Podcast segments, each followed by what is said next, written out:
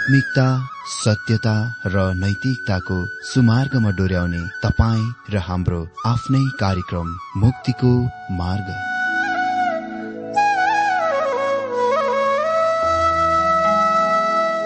आदरणीय श्रोता यस मुक्तिको मार्ग कार्यक्रममा हार्दिक स्वागत छ। आशा छ यस आत्मिक कार्यक्रमद्वारा जीवनमा आत्मिक आशिष अलौकिक शान्ति र आनन्द प्राप्त गर्नुहुनेछ। र जीवनमा धन्य अनुभव गर्नुहुनेछ। आउनुहोस् श्रोता। मन र आत्माको तयारीको लागि यो मिठो अनि मधुर भजन गीत सुनौ।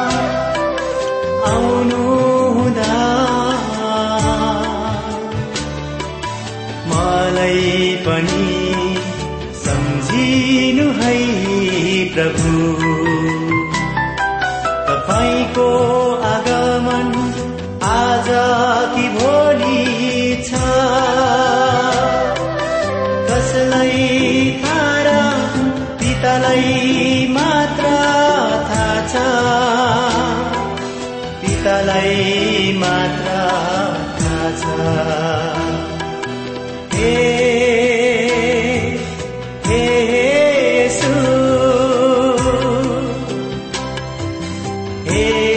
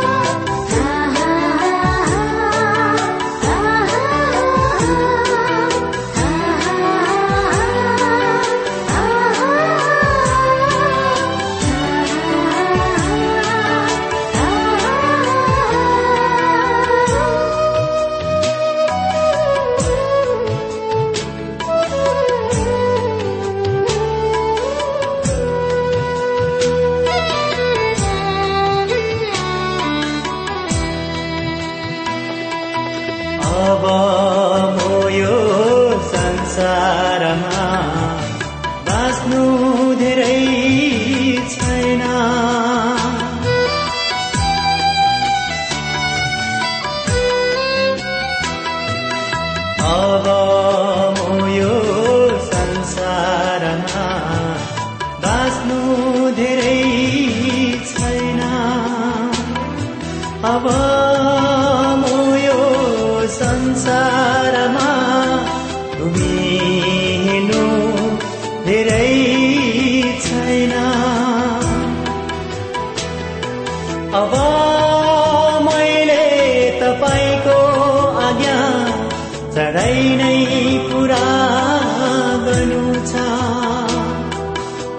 तपाईँको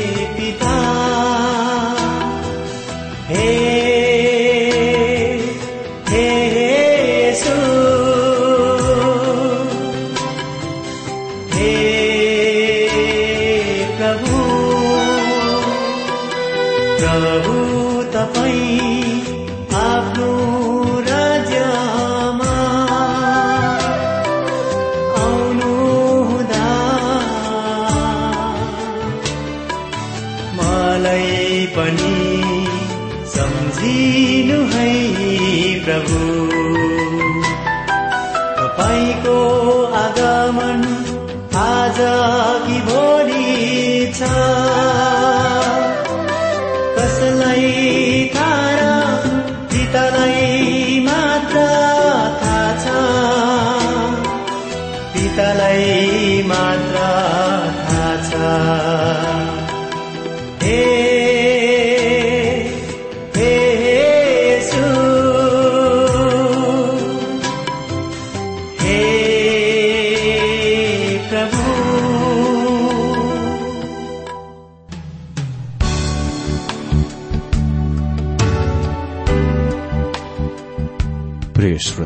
यो प्रसारण मार्फत यो अवगत गराउन चाहन्छौ कि प्रभुको सेवाको लागि यहाँहरूको साझेदारी नित्यन्त आवश्यकता छ। यहाँहरूले प्रार्थनाको साथसाथै आर्थिक सहायता गर्न अनुरोध गर्दछौ। तपाईँहरूको सानो भन्दा सानो भेटी किन नहोस्? हामी प्रभुको नाममा स्वीकार गर्नेछौ प्रभुको सेवाको लागि। तपाईँहरूको यो सानो लगानीले कसैको जीवनमा भिन्नता ल्याउँछ अनि प्रभुको महिमा हुन्छ। प्रभु तपाईँहरूलाई महान गरी आशिष दिनुहुनेछ। इच्छुक श्रोताहरूले तपाईँको इच्छा भेटी हाम्रो ठेगानामा पठाउन सक्नुहुन्छ जुन ठेगाना हामी कार्यक्रमको अन्तमा दिनेछौं। प्रिय श्रोता मित्र प्रभु येशु ख्रिस्टको मधुर अनि सामर्थ्य नाममा मेरो जयमसी तथा हार्दिक स्वागत छ आजको यो बाइबल अध्ययन कार्यक्रममा। श्रोता अघिल्लो दिनमा हामीले परमेश्वर प्रेम हुनुहुन्छ भन्ने मुख्य विषय अन्तर्गत परमेश्वरका प्रिय सन्तानहरूले संसारलाई प्रेम गर्नु हुँदैन भन्ने विषयबाट पहिले युहान दुई अध्याय पन्ध्रदेखि सत्र पदसम्म बाइबल अध्ययन गरिरहेका थियौं अनि यही विषयबाट हामी आज पहिलो युहन्ना अठार र उन्नाइस पदबाट बाइबल अध्ययन गर्नेछौ। तर सर्वप्रथममा अघिल्लो दिनमा हेरिसकेको वचन खण्ड म पढिदिन्छु। पहिलो युहन्ना दुई अध्याय पन्ध्रदेखि सत्र पदमा लेखिएको छ संसारलाई वा संसारमा भएका कुनै पनि थोकलाई प्रेम नगर। यदि कुनै मानिसले संसारलाई प्रेम गर्दछ भने पिताको प्रेम त्यसमा हुँदैन। किनकि संसारमा भएका सबै थोक अर्थात् शरीरको अभिलाषा आँखाको अभिलाषा जीवनको सेखी पिताबाट आएको होइन तर संसारबाट आएका हुन्। संसार बिति जान्छ र त्यसको अभिलाषा पनि बिति जान्छ तर परमेश्वरको इच्छा पूरा गर्ने चाहिँ सधैँको निम्ति रहन्छ। मित्र यहाँ युहान विश्वासीहरूलाई प्रेम नगर्नलाई भन्दछन् अनि उसले किन संसारलाई परमेश्वरको सन्तानहरूले प्रेम गर्नु हुँदैन त्यसको कारण पनि दिन्छन्। सोह्र सत्रमा किनकि संसारमा भएका सबै थोक अर्थात् शरीरको अभिलाषा आँखाको अभिलाषा जीवनको सेखी पिताबाट आएको होइन तर संसारबाट आएका हुन्। संसार बिति जान्छ र त्यसको अभिलाषा पनि बितिजान्छ तर परमेश्वरको इच्छा पूरा गर्ने चाहिँ सधैँको निम्ति रहन्छ। अनि अगाडि पहिलो युहानमा दुई अध्यायको अठार पदमा लेखिएको छ बालकहरू आखिरी घडी यही हो ख्रिस्ट विरोधी आइरहेछ भन्ने तिमीहरूले सुनेकै छौ। अब धेरै ख्रिस्ट विरोधी आएका छन्। यसकारण हामी जान्दछौ कि यो आखिरी घडी हो। यहाँ अनुवाद गरिएको सानो नानीहरूको शब्द पछाडि पद बाह्रमा उही तरिकामा अनुवाद गरिएको शब्दभन्दा अलिकति भिन्न छ। त्यहाँ चाहिँ यो प्रेम मायाको शब्द हो। र यसले ती सबैको सूचित गर्दछ जो परमेश्वरका परिवारमा जन्मेका छन् जो परमेश्वरका साना जन्मेका बालकहरू नानीहरू हुन्। तर यहाँ पद अठारमा उल्लेखित साना नानीहरूले आत्मिक अनुभवको पहिलो तहको श्रेणीको संकेत गर्दछ जुनको हामीले पद बाह्रदेखि चौध पदमा देखिसकेका छौं। पिता सर्वप्रथममा शरीरमा अग्रपंक्तिमा छ त्यसपछि जवान मानिसहरू अनि त्यसपछि साना नानीहरू। यहाँ युहान फेरि साना नानीहरूका बालकहरूको बारेमा कुरा गरिरहेका छन्। साना नानीहरू अहिलेसम्म बढेका छैनन्। तिनीहरू यो संसारमा भएर गुजरिरहेका छन् अनि सम्भावनाहरू यो छ कि तिनीहरू यी तीन कुराहरूमध्ये कुनै एक कुराद्वारा ठोक्कर खाएर लोट्नेछन् लड्नेछन् जुनको युहनाले पद सोह्रमा उल्लेख गरेका छन्। किनकि संसारमा भएका सबै थोक अर्थात् शरीरको अभिलाषा आँखाको अभिलाषा जीवनको सेखी यसबाट। यो अन्तिम घडी हो। हामी यस पृथ्वीमा अन्तिम दिनमा रहिरहेका छौं। यो धेरै लामो समयदेखि अन्तिम घडी समय भइरहेको छ। यो नै त्यो युग हो परमेश्वरले आफ्नो नामको निम्ति मानिसहरूलाई बोलाइरहनु भएको छ। अहिले ग्रहण गर्ने दिन हो। आज उद्धारको दिन हो। यदि आज तपाईँले उहाँको आवाज सुन्नुभयो आफ्नो हृदयलाई कठोर नपार्नुहोस्। किन? उद्धारको बारेमा यति धेरै आतुरी? किनभने तपाईँ यहाँ भोलि हुन नसक्नुहोला वा भोलि नहुनुहोला? भोलि मलाई रेडियोमा प्रचार गरिरहेको नसुन्न सक्नुहोला। यो हुन सक्छ हामी यहाँ नरहौला। त्यसकारण यो महत्वपूर्ण छ कि मैले परमेश्वरको वचन दिनुपर्छ र यो महत्वपूर्ण छ कि तपाईँले परमेश्वरको वचन सुन्नुपर्छ। भनिएको छ अनि ख्रिस्ट विरोधी आउनेछ भनी तिमीहरूले सुने अनुसार अहिले पनि धेरै ख्रिस्ट विरोधीहरू छन् यसैबाट यो अन्तिम घडी हो भनी हामी थाहा पाउँछौ। धेरै ख्रिस्ट विरोधीहरू युहन्नाको दिनमा पहिले प्रकट भइसकेका थिए। तर ख्रिस्ट विरोधी भविष्यमा आइरहेको छ। अ ख्रिस्ट विरोधीको हाम्रो तात्पर्य के हो त? हाम्रो अर्थ हो हाम्रो तात्पर्य के हो त? ख्रिस्ट विरोधी अंग्रेजी शब्द हो एन्टी ख्राइस्ट म सोच्दछु कि यो शब्दलाई अबुझाइ गरिएको छ परिणाम स्वरूप आइरहेको त्यो व्यक्तिको बारेमा गलत बुझाइ वा अबुझाइ गरिएको छ। ख्रिस्ट विरोधी अर्थात् एन्टी ख्राइस्ट दुई शब्दहरूबाट बनिएको छ ख्रिस्ट अनि विरोधी अर्थात् एन्टी अनि ख्राइस्ट यो कुराको देख्न महत्वपूर्ण छ कि एन्टीसँग दुई अर्थ छ। यसको अर्थ हुन सक्छ अगेन्स्ट वा विरुद्धमा? यदि म कुनै कुराको एन्टी भए म त्यस कुराको विरुद्धमा छु विरोधमा छु।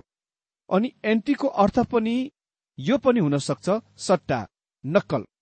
त्यसकारण यो एन्टीको मतलब प्रतिस्थापक पनि हुन सक्छ। यो या त असल प्रतिस्थापक हुन सक्छ या कुनै कुराको लागि छल वा कपट हुन सक्छ।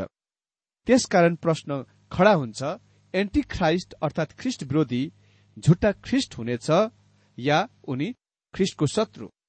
शास्त्रले कहाँ खास जोड प्राथमिकता राख्दछ? कहाँ चाहिँ राख्दछ त?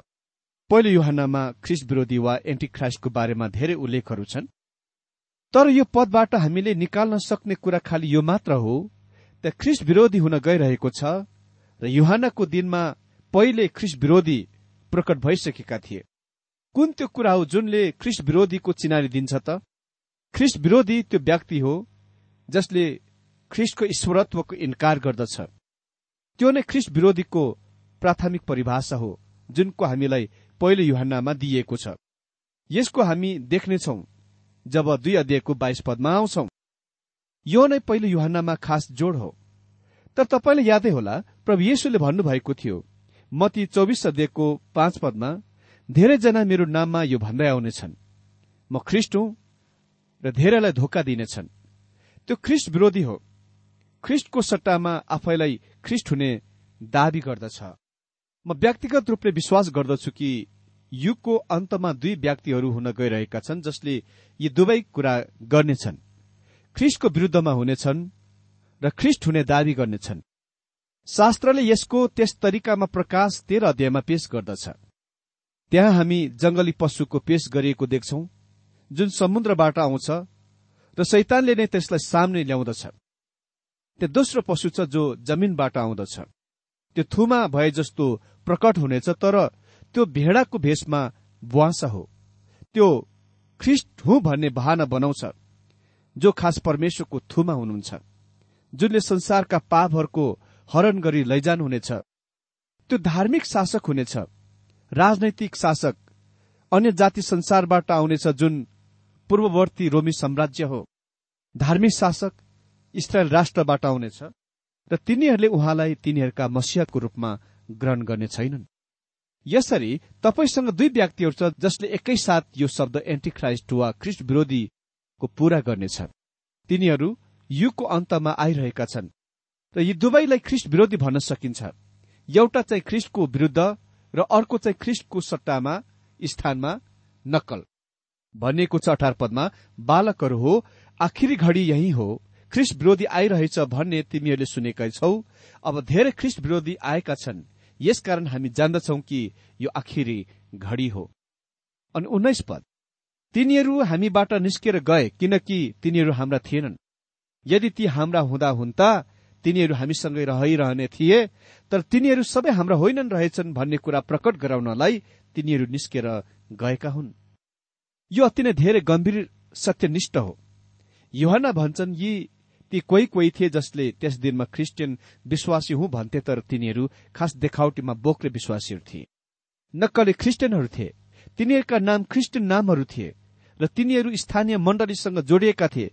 तिनीहरूले पिता पुत्र र पवित्र आत्माको नाममा बत्तीसमा पनि लिएका थिए र तिनीहरूले प्रभु भोज पनि लिन्थे।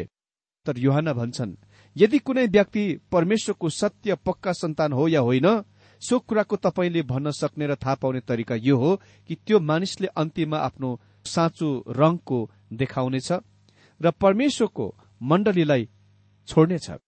यदि उनी परमेश्वरको पक्का सन्तान होइनन् त्यो विश्वासीहरूको शरीर र मण्डलीबाट आफैलाई अलग गर्नेछ र त्यो संसारमा फर्केर जानेछ। हामी दोस्रो पत्रुस दुई अध्यायको बाइस पदमा देख्छौ जुनलाई म उडौ सुँगुरको दृष्टान्त भन्छु पत्रुस यस पदमा भन्दछन् नुहाएको सुँगुर फेरि आहाल खेल्न फर्क्यो।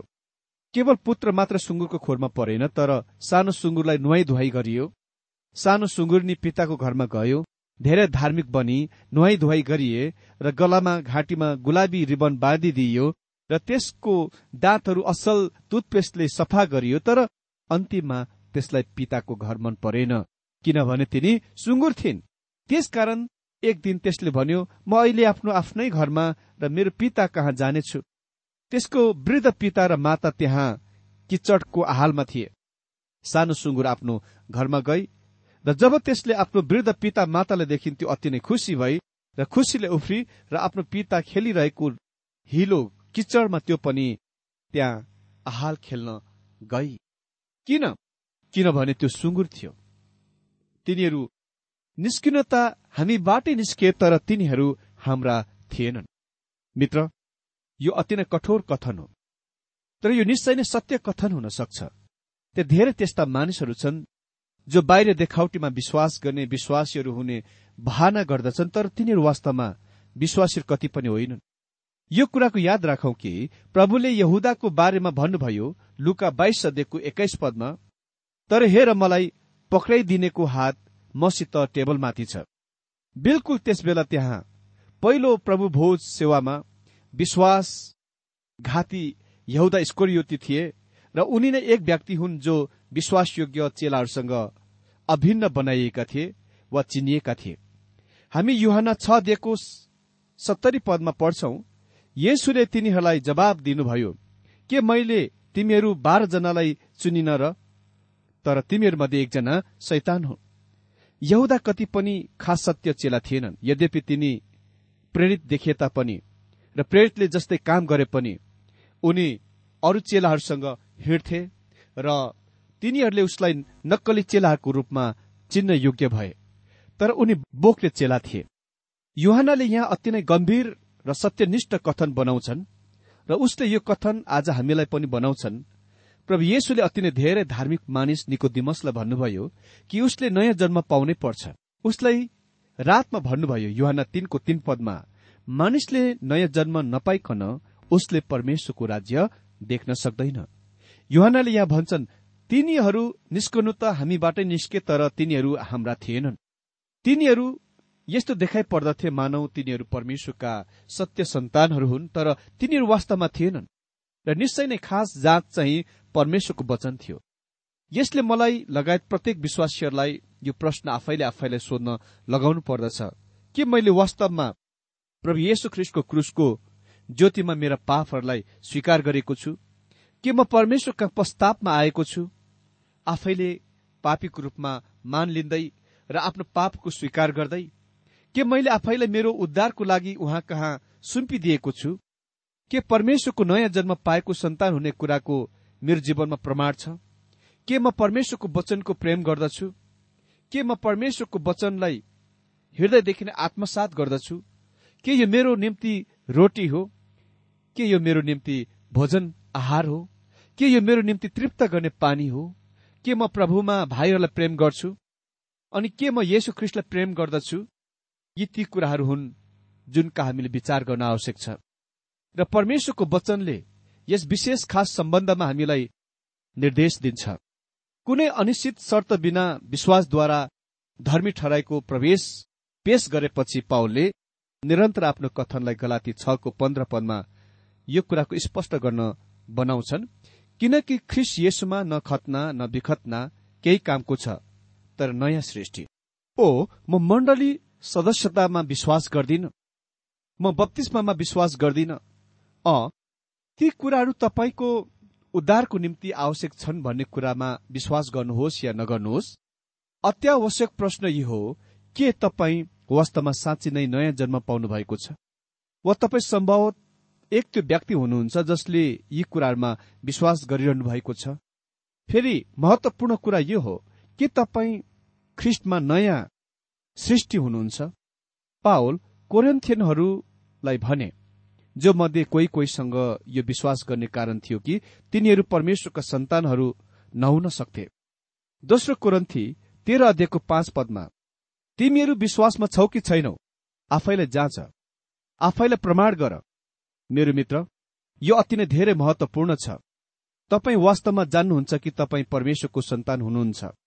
पाओले कोरन्थीमा विश्वासीहरूलाई अघि लेखे पहिलो कुरन्थी सोह्र अध्यायको तेह्र पदमा जाग रहौ विश्वासमा बल्य गरी उभ पुरुषार्थ देखाऊ बल्य हाउ। मेरो मित्र तपाईँको ख्रिस्टियन जीवन कसरी चलिरहेको छ? के तपाईँ वास्तवमा परमेश्वरको पक्का सन्तान हुनुहुन्छ? के तपाईँका जीवनमा केही त्यस्ता प्रमाणहरू छन् कि तपाईँ परमेश्वरको सन्तान हुनुहुन्छ? म यस कुराको बारेमा कुरा गरिरहेको छुइनँ। तपाईँले पाप गर्नुभएको छ या छैन? तर तपाईँले पाप गरिसकेपछि तपाईँले के गर्नुभयो? के तपाईँ निरन्तर पापमा लिप्त बनिरहनुभयो? उडौ पुत्र सुँगुरको खोरमा परे तर उनी त्यहाँ निरन्तर रहिरहेनन्। त्यो उसको स्थायी ठेगाना थिएन। उनी त्यहाँ परेपछि केही दिन वा महिना पश्चात यदि तपाईँले त्यस ठेगानामा पत्र पठाउनु भए उसले तपाईँको पत्र पाउने थिएन। किनकि त्यो उसको कति पनि ठेगाना रहेको थिएन। उनी आफ्नो घरमा गइसकेका छन्। परमेश्वरको सन्तान। उसले पाप गरेपछि परमेश्वरका आँसुको साथ रुँदै प्रस्तावमा आउँछ। यदि उसले त्यो गर्दैन भने उनी परमेश्वरको सन्तान होइन। कोही कोही मानिसहरूले सायद यो प्रश्न गर्लान् तिमीसँग यो प्रश्न सोध्ने अधिकार छैन किनभने हामी तीस चालिस वर्षदेखि मण्डलीको सदस्यहरू हौ। हामी निरन्तर मण्डलीमा चर्चमा जान्छौ सन्देश सुन्छौ भजन गीत गाउँछौ दान भेटी दिन्छौ र ख्रिस्टियनहरूले गर्ने सबै धर्म विधिहरू गर्दछौ। मित्र यी कुराहरू महान कुराहरू हुन्। अद्भुत कुराहरू हुन्। तर याद राख्नुपर्ने कुरा यो हो यी कुराहरू गर्नु धर्म विधिहरूको पालन गर्नु एउटा कुरा हो अनि प्रभु येसुका विश्वास गरेर नयाँ जन्म पाउनु अर्को कुरा हो। त्यसकारण हामीले आफैलाई जाँच्नु पर्दछ कि हामी वास्तवमा विश्वासमा छौं या छैनौं। के हामी वास्तवमा ख्रिस्टलाई विश्वास गर्छौं? कसैले भन्ला तपाईँले मेरो उद्धारको निश्चयताको लुटिरहनु भएको छ। मेरो मित्र म विश्वासीहरूको सुरक्षामा विश्वास गर्दछु तर म बोक्रे विश्वासीहरूको असुरक्षाको बारेमा पनि विश्वास गर्दछु। हामीले यो कुराको देख्नलाई जाँच गर्न आवश्यक छ कि हामी वास्तवमा कुन प्रकारका विश्वासीहरू हौ। यो दुई अध्यायको आरम्भमा योहनाले यो अति नै स्पष्ट बनाए कि हामी जान्न सक्छौ कि हामी परमेश्वरको सन्तानहरू हौ र हामी उहाँसँग संगति गर्न सक्छौ। हामी उहाँका कमजोर निर्बल लड्ने गिर्ने साना सन्तानहरू हुने तथ्यको बावजुद हामी अझै उहाँसँग संगति गर्न सक्छौ। किनभने येशु ख्रिसको रगतले सबै पापहरूबाट निरन्तर शुद्ध गरिराख्दछ। हाम्रा त्यहाँ पितासँग एक वकिल हुनुहुन्छ र उहाँ हाम्रा लागि हुनुहुन्छ। उहाँ हाम्रो पक्षमा हुनुहुन्छ। त्यसपछि पद हामीले देख्यौं कि परमेश्वर प्रेम हुनुहुन्छ। यो यस पत्रको खास केन्द्र मुख्य कुरा हो। प्रेम करिब तेत्तीस पल्ट उल्लेख गरिएको छ। युहानले भने प्रिय सन्तानहरूले प्रेममा हिँड्ने कुराद्वारा एक आपससँग संगति गर्न सक्छन्। अर्को शब्दमा साना बच्चाहरूले यो कुराको थाहा गर्नै पर्छ कि तिनीहरूलाई बेग्लै किसिमको जीवन जिउनलाई बोलाइएका छन्। तिनीहरूलाई अहिले नयाँ स्वभाव दिइएको छ। तिनीहरू अहिले परमेश्वरको लागि जिउन सक्छन्। आज्ञाकारिता जीवनको जाँच हो। हामीसँग वास्तवमा जीवन छ या छैन सो कुरा हामी जान्न सक्छौ। यदि हामी उहाँको आज्ञाहरू पालन गर्छौं खालि उहाँका आज्ञाहरू मात्र होइनन् तर उहाँको वचनहरूका पालन गर्छौं भने उहाँको वचनको पालन गर्नुको तात्पर्य उहाँले आज्ञा गर्नुभएका कुनै कुरा भन्दा अझ अगाडि जान इच्छुक भइरहनु हो। मित्र परमेश्वरका सन्तानले पापको घृणा गर्नुपर्छ। तपाईँ परमेश्वरसँग र अन्य विश्वासीहरूसँग संगति गरिरहन सक्नुहुन्न यदि तपाईँ पापमा हुनुहुन्छ भने। हितपदेश अठाइस अध्ययको तेह्र पदले भन्छ आफ्ना पापहरू छिपाउने वा लुकाउनेको कहिले पनि उन्नति हुँदैन। तर स्वीकार गरेर ती छोड्नेहरूले कृपा दृष्टि पाउनेछन्। यद्यपि हामी जान्दछौ कि ख्रिष्टको रगतले हामीलाई सबै पापबाट ढाक्दछ तैपनि पापमा रहेर उही समयमा परमेश्वर र अन्य विश्वासीहरूसँग संगति गर्न सक्दैनौ। यदि तपाईँ र मसँग त्यस्तो जीवन छ जुनले सुसमाचारको सिफारिस गर्दछ प्रशंसा गर्दछ भने यो अर्को निश्चयता हो जुन हामीलाई दिएको छ। मलाई लाग्दैन कि तपाईँको भित्री हृदयमा वास्तविक पक्का निश्चयता पाउन सक्नुहुन्छ जबसम्म तपाईँ परमेश्वरप्रति आज्ञाकारी हुनुहुन्न। परमेश्वरले आजको यो बाइबल अध्ययनद्वारा हरेकलाई धेरै धेरै आशिष दिनुभएको होस्।